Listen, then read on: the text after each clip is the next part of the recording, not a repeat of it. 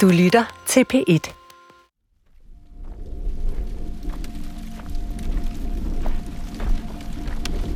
Jeg står på en losseplads i en lille dal mellem nogle bløde, grønlige bjerge på det nordlige Lesbos. Det er ikke nogen helt almindelig losseplads, men et sted, hvor man har dumpet rester fra de mange bådflygtninge, der er gået i land på egnen. Michael, som jeg rejste afsted med, forfølger i arbejdet med nødhjælp til flygtningene på Lesbos, har bedt om en dags pause. Han skrev en besked i går og bad mig om at lade ham være i fred. Det hele, nødhjælp, hans dokumentarfilmsprojekt og mig og mine spørgsmål, var blevet for meget for ham. Hvis du skal sætte tal, hvor mange tror du så, der er? Der er jo mange hundredtusind her. Så jeg har kørt afsted sammen med Florian Elabdi, Michaels venner og medinstruktør på deres fælles filmprojekt. Nu tager jeg fat i en benzin. Dunk. Hvor der var benzin i til at... Der blæser en lun vind op langs bjerget. Til en påhængsmotor. Ned fra det tyrkisgrønne hav. Der er transporteret folk over. Vinden sætter en klønge tisler i bevægelse, der kratter mod hinanden med deres spidse pigge og tørre blade. Der lugter surt og gennemtrængende af gummi, og en sødlig lugt af død fra et par ådsler af to døde vildsvin blander sig med den syrlige dunst. Og det, er, altså, det er helt absurd, det her. Jeg forsøger at bestige den sorte dynge af gummibåde og afbladet redningsveste, der breder sig over et enormt areal. Man kan ikke lade være med at tænke på, hvor mange af de her redningsveste, der er bare flødet i land, altså, og ikke har haft et menneske med sig. Og med få skridt står jeg oven i et 3 meter højt bjerg af efterladenskaber fra tusindvis af menneskeskæbner. Jeg kan ikke lade være med at tænke på, hvor alle de mennesker er nu. Menneskeskæbner, der har skabt hovedpiner og pustet til uenigheder for Europas politikere. Altså, hvor er de henne? Hvad laver de? Har de fået et meningsfuldt liv et eller andet sted? Eller sidder de bare i venteposition? Jeg stiger ned ad bjerget af gummibåde og redningsveste, forbi den kratten klynge tisler og de to rødne vildsvin. Vi kører stille ned ad grusvejen tilbage mod Alfavej. Det rumsterer i hovedet. Alle de mange tusinder af redningsveste og både. Og tanken om de mennesker, der har været der i. Vi kører tilbage mod byen Mytilini, hvor en af Europas største flygtningelejre, Kartepe, ligger nu. Well, next on the program, we turn to two important stories, both relating to migration. First of all, let's turn to the island of Lesbos in Greece. After those Du har sikkert set historier om de mange hundredtusinde af flygtninge, der sidder i flygtningelejre rundt omkring i Europa. Set billeder af desperate kvinder, mænd og børn, bor i telte under primitive forhold. Set hvordan deres drøm om Europa smuldrer i støvet under deres sandaler, imens de venter på opholdstilladelse eller det endelige afslag. Du har måske som så mange følt en afmagt, følt dig privilegeret over at bo i Danmark, men samtidig også følt, at du burde gøre noget. Men hvad gør man? Andet end at acceptere, at verden er kompliceret, og man ikke kan gøre noget for at ændre den. Michael Graversen er far til to. Han har besluttet at gøre alt, hvad han kan for at hjælpe. Han har taget sagen i egen hånd og driver sin egen miniatyrudgave af en nødhjælpsorganisation via sociale medier. Et projekt, der langt fra er nemt og enkelt, men fyldt med slidsomt arbejde, svære dilemmaer, der tager på psyken. Og et projekt, der bringer et spørgsmål frem. Kan man blive afhængig af at være et godt menneske i andres øjne? Baglandet er fuldt i hælene på Michael. Fra Christiansborg til Lesbos, hvor mange af Europas tusinder af flygtninge er gået i land siden flygtningekrisens start i 2015. Det her er sidste og tredje del i serien Et godt menneske. Jeg hedder Mikkel Rønner.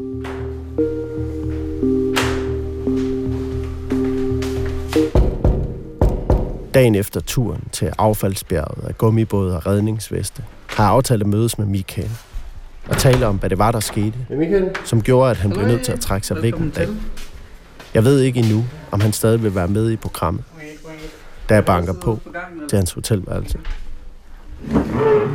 Øh, vi, vi har ikke set hinanden siden i mandags, øh, øh, hvor, øh, jeg får en besked, hvor du skriver, øh, at du, du bliver nødt til at, at tage en time out. Men vil du bare lige øh, fortælle, hvad, hvad der skete? Mm. Jamen, jeg, jeg, simpelthen, jeg nåede en eller anden form for grænse. Øh, jeg kunne bare mærke, at altså, det, det, der kunne ikke mere. Altså, og, og, og måtte simpelthen trække stikket der, og, og hver gang der kom en besked fra dig, eller fra nogle andre, eller et eller andet, så gav det sådan en sådan en kæmpe sådan lyn ind i, ind i hjertet, altså ind der, hvor hjertet sidder.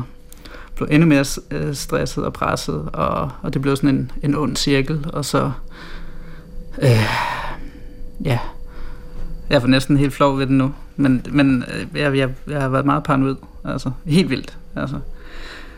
Jeg ved det ikke, hvorfor, altså, eller, jeg, jeg, jeg, jeg tænker, at det hænger sammen med, at, øh, at jeg er vildt bange for at miste troværdighed i, i alt det her, fordi at noget af det, som er allervigtigst for mig, det er min troværdighed i forhold til hele det her nødhjælpsprojekt og så videre. Så, øh, så jeg sådan fik, altså, jeg havde forvejen alle mulige katastrofetanker, så jeg tænkte også sådan noget med, at jamen, øh, skal jeg nu udstilles, eller skal det nu insinueres et eller andet, som, som folk kan brygge videre på, og som ikke nødvendigvis er sandt, men som, altså, øh, Øh, jamen jeg tror også, jeg på en eller anden måde sådan, altså, kommer også til at spille en eller anden rolle, altså når du sådan, altså...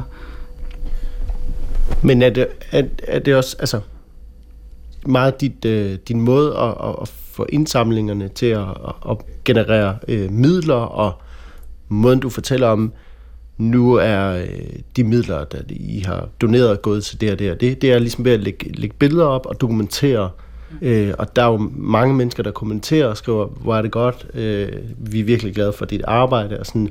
Så du får øh, e- enormt meget ros, og, og du har jo også på en eller anden måde en, en persona eller en, en karakter, som, som er bygget op ude på de sociale medier. Øhm, så øh, var det også sådan på en eller anden måde en frygt for, at den karakter, du har der, skulle sådan krakelere? Ja, 100 procent. For den karakter, den er jo ikke virkelig. Altså, det er jo ikke øh, nødvendigvis...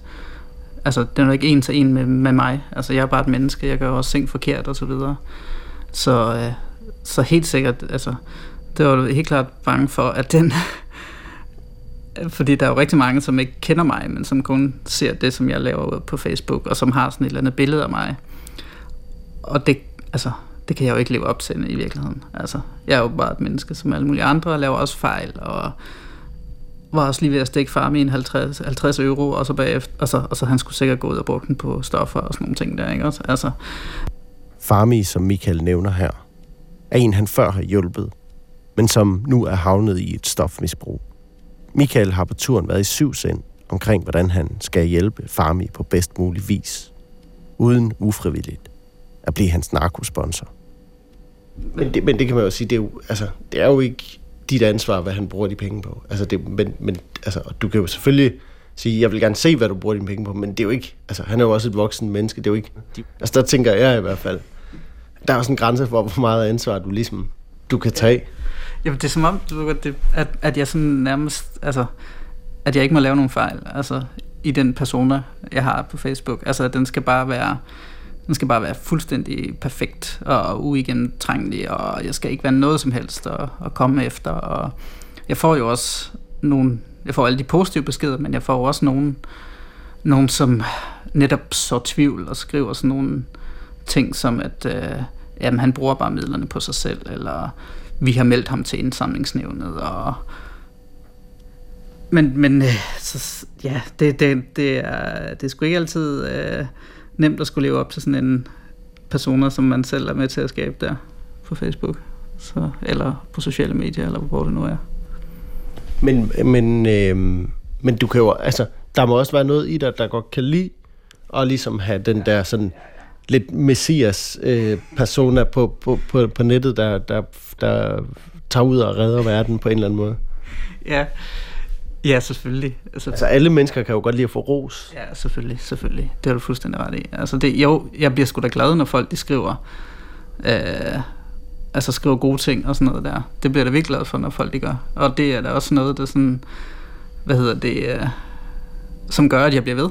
Altså, øh, hvis, de, hvis jeg ikke fik alt det der, så, så altså, så, så det, det, er jo sådan selvforstærkende, så er det ikke, så, så, hvad hedder det, så vil jeg i hvert fald nok ikke skrive så meget på Facebook, jeg ved ikke, hvor meget jeg vil gøre det, men, men det er da helt klart med til det, altså uden tvivl. Michael virker lettet og mindre presset. Du er okay med, at jeg fortsætter med at, at, at lave programmet? om dig og det her projekt og dem, du hjælper os. Historie. Ja. Jeg var, jeg var, jeg var tæt på øh, at sige nej i går, fordi jeg simpelthen ikke kunne overskue det. Få timer efter er han igen ude for at hjælpe nogen, der har brug for hans hjælp. Den her gang er det en far til et barn med epilepsi, som bor i den store flygtningelejr ikke langt uden for byen Mytilini. Kunne det være ham, der sidder der? Michael er blevet opmærksom på barnet gennem en Instagram-profil, som tilhører en beboer i den store flygtningelejr, der dagligt dokumenterer forholdene ved at poste billeder på sin Instagram-profil. Teksten under billedet af det syge barn forklarer, hvordan barnet ikke får den rigtige lægehjælp i lejren, og at familien har brug for hjælp, så de kan blive flyttet til en anden flygtningelejr, hvor hjælpen er bedre. Michael har aftalt at mødes med indehaveren af Instagram-profilen og faren til det syge barn på en plads midt i byen Mytilini. Og nu står vi så under den bane sol og stikker ud i mængden blandt de lokale grækere og grupper af flygtninge, der fra tid til anden passerer over pladsen. Jeg og pludselig står en ranglet gut med solbriller med spejlglas og en Armani-kasket, der lige akkurat hviler på toppen af hovedet foran os. Jeg siger, der er en eller anden, du skal hjælpe, en eller anden, der kommer med en familiepakke. Ja, det ved jeg godt, det, er det, vi har okay, okay. Det er ham, der er indehaveren af Instagram-profilen. Michael prøver ihærdigt at forklare og forstå. Fordi det var, sådan, det var lidt en kold, et koldt møde. De udveksler korte sætninger gennem Florian, der oversætter. Og så forsvinder gutten med solbriller og kasket igen. Han vil hente Okay. faren til barnet. Han har fulgt mig, og jeg har fulgt ham i noget tid, og så har han ligesom lagt... Han lægger tit sådan, hvad skal man sige, sådan ting op fra, altså fra lejren og fra nogle af de skæbner derinde, og hvis der er nogen, der har problemer og sådan nogle ting. Og få øjeblikke efter er han tilbage med faren ved sin side. Salam alaikum.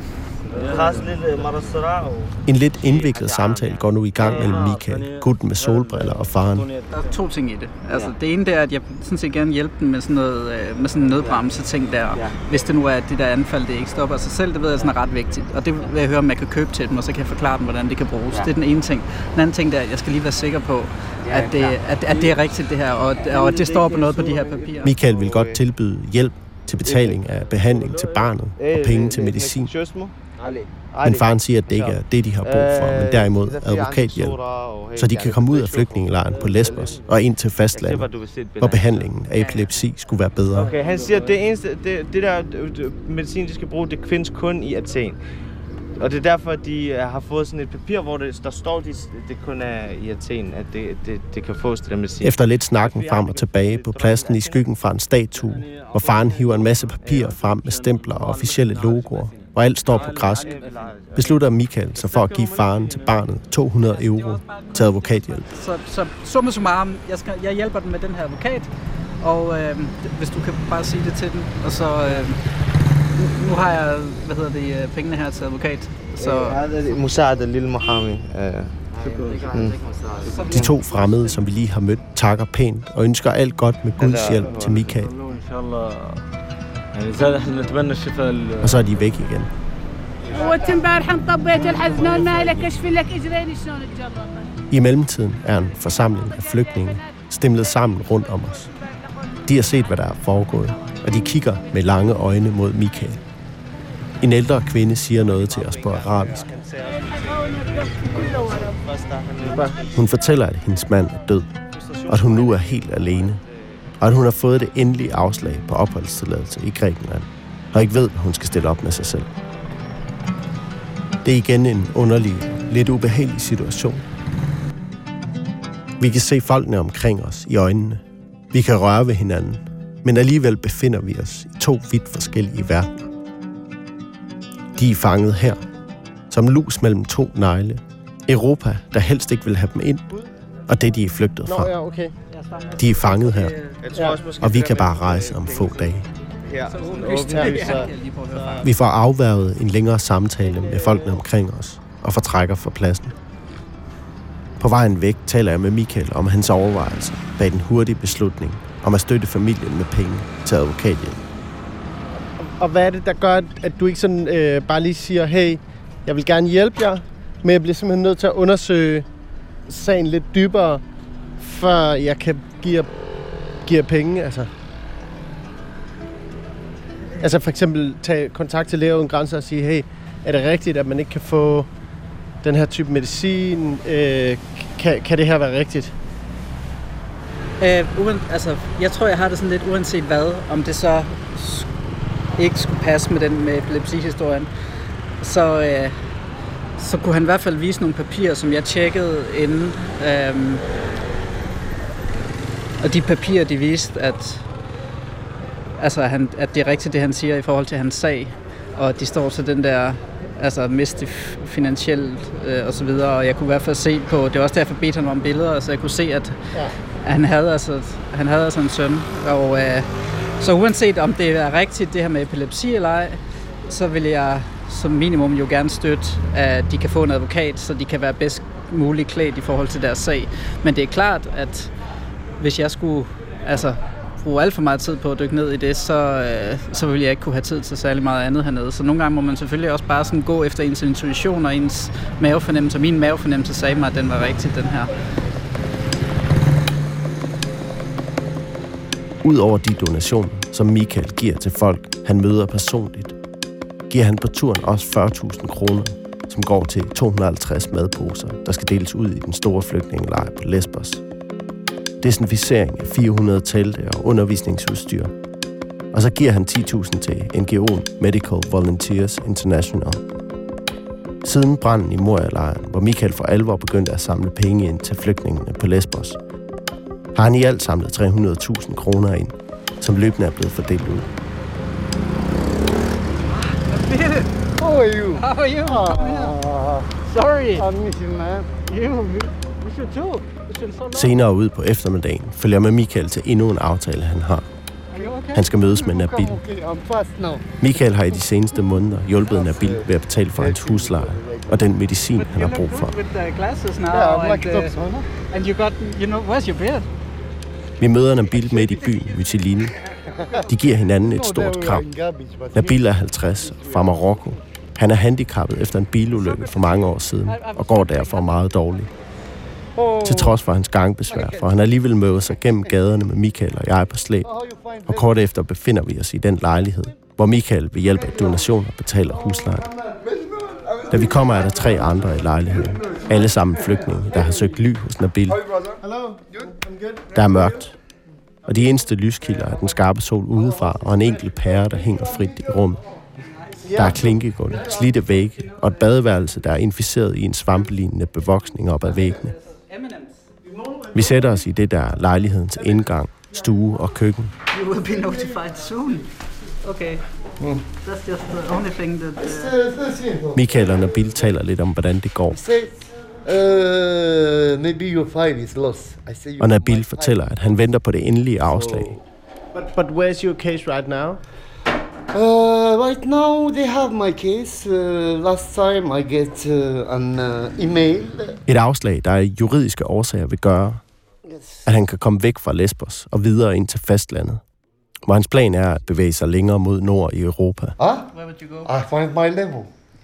I go find the country which uh, they treat better uh, human being. Yeah. At least in uh, Serbia they are good, better than here. It's okay. But don't come to Denmark, because I think... Uh, They will. Uh, Michael siger lidt i sjov, at han i hvert fald ikke skal komme til Danmark og fortæller om regeringsplan om at bygge en flygtningelejr i Rwanda. But now they actually they want to do when you instead of going to Denmark and applying for asylum there Oh, I come to Denmark. they, they, they want. I will come to Denmark. I will live without papers. But but if you actually if you do come to Denmark and apply for asylum, they are planning on sending you to Rwanda. You know the country in Rwanda, In- Africa. yeah they want to build a you know asylum camp so everybody who comes to Denmark directly to they will be sent there. They make a prison like prison for. They don't. Uh, Nabil svarer, at Danmark skal passe på med at behandle folk udefra på den måde. Og så tager samtalen en drejning. But there is people which they have bad uh, things in their. Nabil siger, at der findes syge mennesker, der laver bomber og dræber folk. Uh, and kill people in Denmark. Og det kunne jo ske for Danmark. You are treating me like this. I will treat you more bad. There is people which are thinking like this. So Don't you, mean- you mean that actually if we do like this towards That's the me. refugee? No, I know that you would not. That's me, please. Do you mean that it actually it it makes the, even things more dangerous for Denmark when you do Ah, like this? yes. Is that it? Okay. You know? Mm. You are treating me like this. I will treat you more. You will scare more. I make you to scare now. Then we will accept people. Det er tydeligt, at Nabil rummer en stor indignation over tidernes tilstand. Differency. Why this differency and all they say human rights? Where is the human rights? That's what I want to know. Han forstår ikke, hvorfor der ikke er noget land, der vil have ham. Han kan arbejde og bidrage, siger han. Maybe I can work in your country. I can help. I can give for humanity something good. I want to live. I want to. Maybe I have something I can uh, give for another human being. The human have to love human. That's it. For me, the. But Han siger, at han ikke kan tage tilbage til Marokko. Livet som handicappet der er forfærdeligt. It's impossible because if, if you go in the hospital, they ask you money. If you don't have money, you don't go even inside. Så skifter vi gear i samtalen og parkerer verdenssituationen. You're a big kid. You're a big kid. Okay, I would say 51 now. Vi drikker kaffe, småsnakker, bærer de tomme kopper ud, skyller dem af og sætter dem i vasken og siger tak. Som var vi på besøg hos en onkel. På vej ud for Nabil lige nævnt noget, der igen minder om, hvorfor vi er her, og hvad relationen mellem ham og Michael bygger på. Penge. Noget med huslejen, og så mangler han også lidt ekstra til dagen og vejen. When you have time. De aftaler at mødes igen og få styr på huslejen og det løse, inden vi forlader øen. Nu har vi været på besøg hos Nabil. Ja. Hvad tænker du, øh, hvad tænker du om de ting, han, han sagde om sin situation? Jamen, jeg tænker, det i virkeligheden jo meget er det, at høre fra langt, langt de fleste af dem, jeg sådan snakker med her. Altså, at de sidder fanget i et eller andet byråkratisk asylproces, og der er rigtig mange, der får afslag, og som er i, i hans situation. Og jeg tror ikke sådan, at sådan en bil, han nødvendigvis ender med at få ophold. Som han sagde, og der er jo rigtig mange marokkanere, som lever rundt omkring i Europa uden papir, og, og han har jo ikke et, et sikkerhedsbehov eller et asylbehov på den måde, så ja. Og det der sted der, som han havde, så, altså hvor han bor, synes jeg jo, er sådan lidt splittet omkring, fordi på en side er jeg glad for, at han har et sted at bo her i byen, og han har en seng og sådan, hvad skal man sige, lidt bedre vilkår, end hvis han boede inde i lejren. Også når han er handicappet og har, har problemer med det. Men alligevel, det var ikke det fedeste sted. Altså, hvis du gik ud på badeværelset, så var det jo fuldstændig klart befængt med skimmelsvamp over det hele og så videre, så det var ikke sådan et sted, hvor jeg ville synes, det var mega fedt at bo. Men altså, det er sig selv bedre end at bo i lejren. I forrige program var jeg med Michael på Christiansborg, hvor han mødtes med Rosa Lund fra Enhedslisten. Hun lovede Michael at stille en række spørgsmål til regeringen. Blandt andet om det projekt, Michael har stablet på benene med 50 danske plejefamilier, der har sagt ja til at modtage nogle af de mest sårbare børn fra flygtningelejren på Lesbos. Efter mødet går der lang tid, hvor Michael ikke hører noget fra Rosalund. Det viser sig, at hun har glemt det. Derefter får hun stillet spørgsmålet, og så kommer der svar fra udlændinge og integrationsministeren. Han svarer, han synes ikke, det er en god idé. Og han begrunder sit nej til den foreslåede løsning ved at skrive, en sådan omfordeling vil kunne medvirke til, at flere migranter vil begive sig ud på den farfulde rejse over Middelhavet. Som en industri af menneskesmuglere tjener formuer på. Det skal vi have sat en stopper for, skriver Mathias Tesfaye. Nu har jeg i nogle måneder fulgt Michael fra Christiansborg til Lesbos, hvor vores tur er ved at nå sin ende.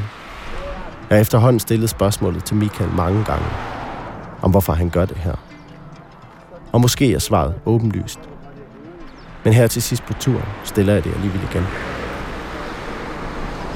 Hvorfor gør du det her?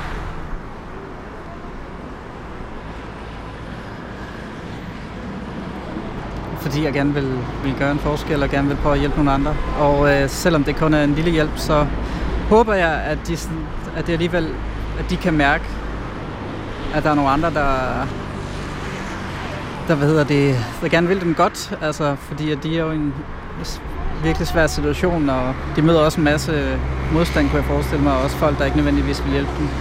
Så øh, som ikke andet, så har jeg måske bare så et lille frø om, at der, altså, det er ikke alle, der, der ikke vil have dem her i Europa. Altså. Men de der sådan, personlige møder, tænker jeg faktisk, altså, det, det, der gør jeg det nok i virkeligheden mest for at sige, hey, jeg kan, jeg kan, altså, jeg kan se jer, altså, på den måde. rent praktisk er det jo nok mest de der penge og donationer, som går til de der lidt, stø- lidt, hvad skal man sige, lidt mere organiserede ting der, som, som, som batter noget. Men Men hvorfor tror du, at, at det, at du står som, som vesterlænding her, øhm, og, og ligesom på en eller anden måde lytter til dem, altså hvad, der er efterhånden så meget modstand mod flygtninge og, og hvad hedder det, og flygtninge og migranter.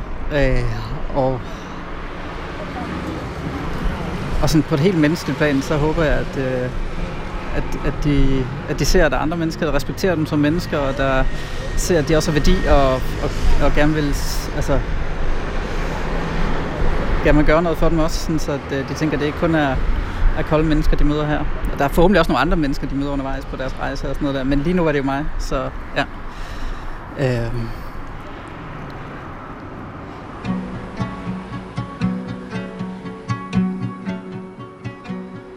Michael har efter hjemkomsten til Danmark været i kontakt med faren til det epilepsiramte barn, som han hjalp med penge til advokathjælp. Advokaten har fået genåbnet deres sag, og familien er blevet flyttet til en flygtningelejr nær Athen, hvor de kan modtage bedre hjælp. Derudover prøver advokaten at få en opholdstilladelse igennem på baggrund af familiens status som særligt udsat. Det her var tredje og sidste afsnit i serien Et godt menneske, om flygtninge ildsjælen Michael Graversen. Rune Spark Gertsen er redaktør. Jeg hedder Mikkel Rønner.